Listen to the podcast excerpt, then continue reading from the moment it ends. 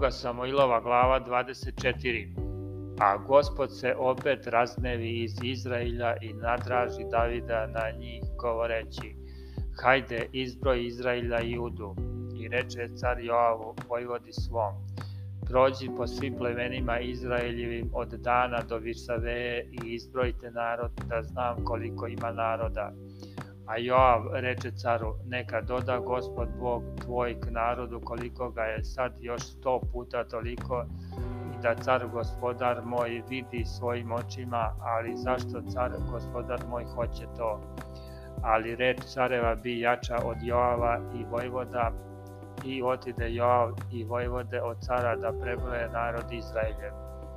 I prešavši preko Jordana stadoše u logor u Aroiru, s desne strane grada koji je na sredini potoka Gadovog i kod Jazira. Potom dođeše u Galad i u donju zemlju Odsiju i odate otidoše u Dan Jan i u okolinu Sidonsku.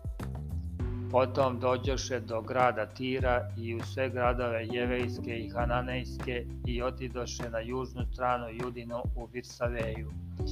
I obišavši svu zemlju vratiše se u Jerusalim posle devet meseci i dvadeset dana. I Joav dade caru broj prepisanog naroda i beše od Izrailja 800.000 ljudi za vojsku koji mahahu mačem, a ljudi od jude 500.000. Tada Davida taknu u srce, pošto prebroja narod i reče David gospodu, sagreših veoma što to uradih, ali gospode uzmi bezakonje sluge svog, jer veoma ludo radih.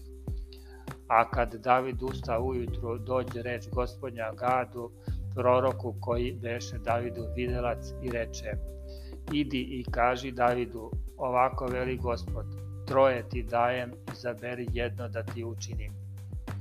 I dođe Gad k Davidu i kaza mu govoreći, hoćeš li ti da bude sedam gladnih godina u zemlji tvojoj, ili da bežiš tri meseca od neprijatelja svojih i oni da te gone, ili da bude tri dana pomor u tvojoj zemlji. Sada promisli i gledaj šta ću odgovoriti onome koji me je poslao.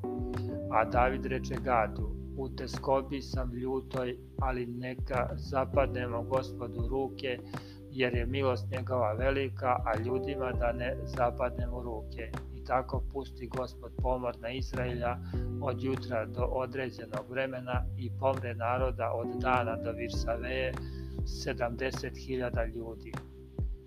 I A kad anđeo pruži ruku svoju na Jerusalim da ga ubija, sažali se gospodu sa zla i reče anđelu koji ubijaše narod, dosta, spusti ruku, a anđeo gospodnji beše kod guvna Orne Jevuseina.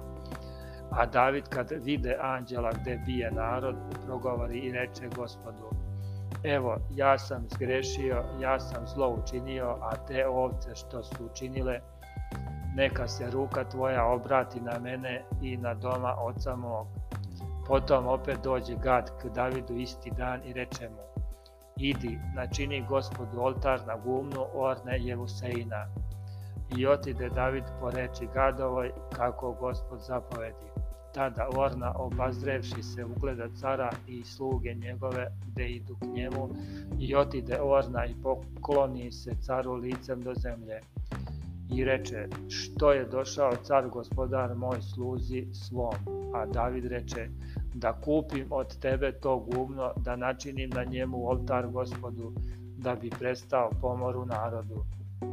A Orna reče Davidu, neka uzme car gospodar moj i prinese na žrtvu šta mu je volja, evo volova za žrtvu paljenicu i kola i jarmova volujskih za drva. Sve to davaše caru Orna kao car i reče Orna caru, Gospod Bog tvoj neka te milostivo primi, a car reče Orni, ne, nego ću kupiti od tebe po ceni, niti ću prineti gospodu Bogu svom žrtvu paljenicu poklonjenu. I tako kupi David gubno i volove za 50 sikala srebra. I onda načini David oltar gospodu i prinese žrtve paljenice i žrtve zahvalne, i gospod se umilostivi zemlji i presta pomor u Izraelju.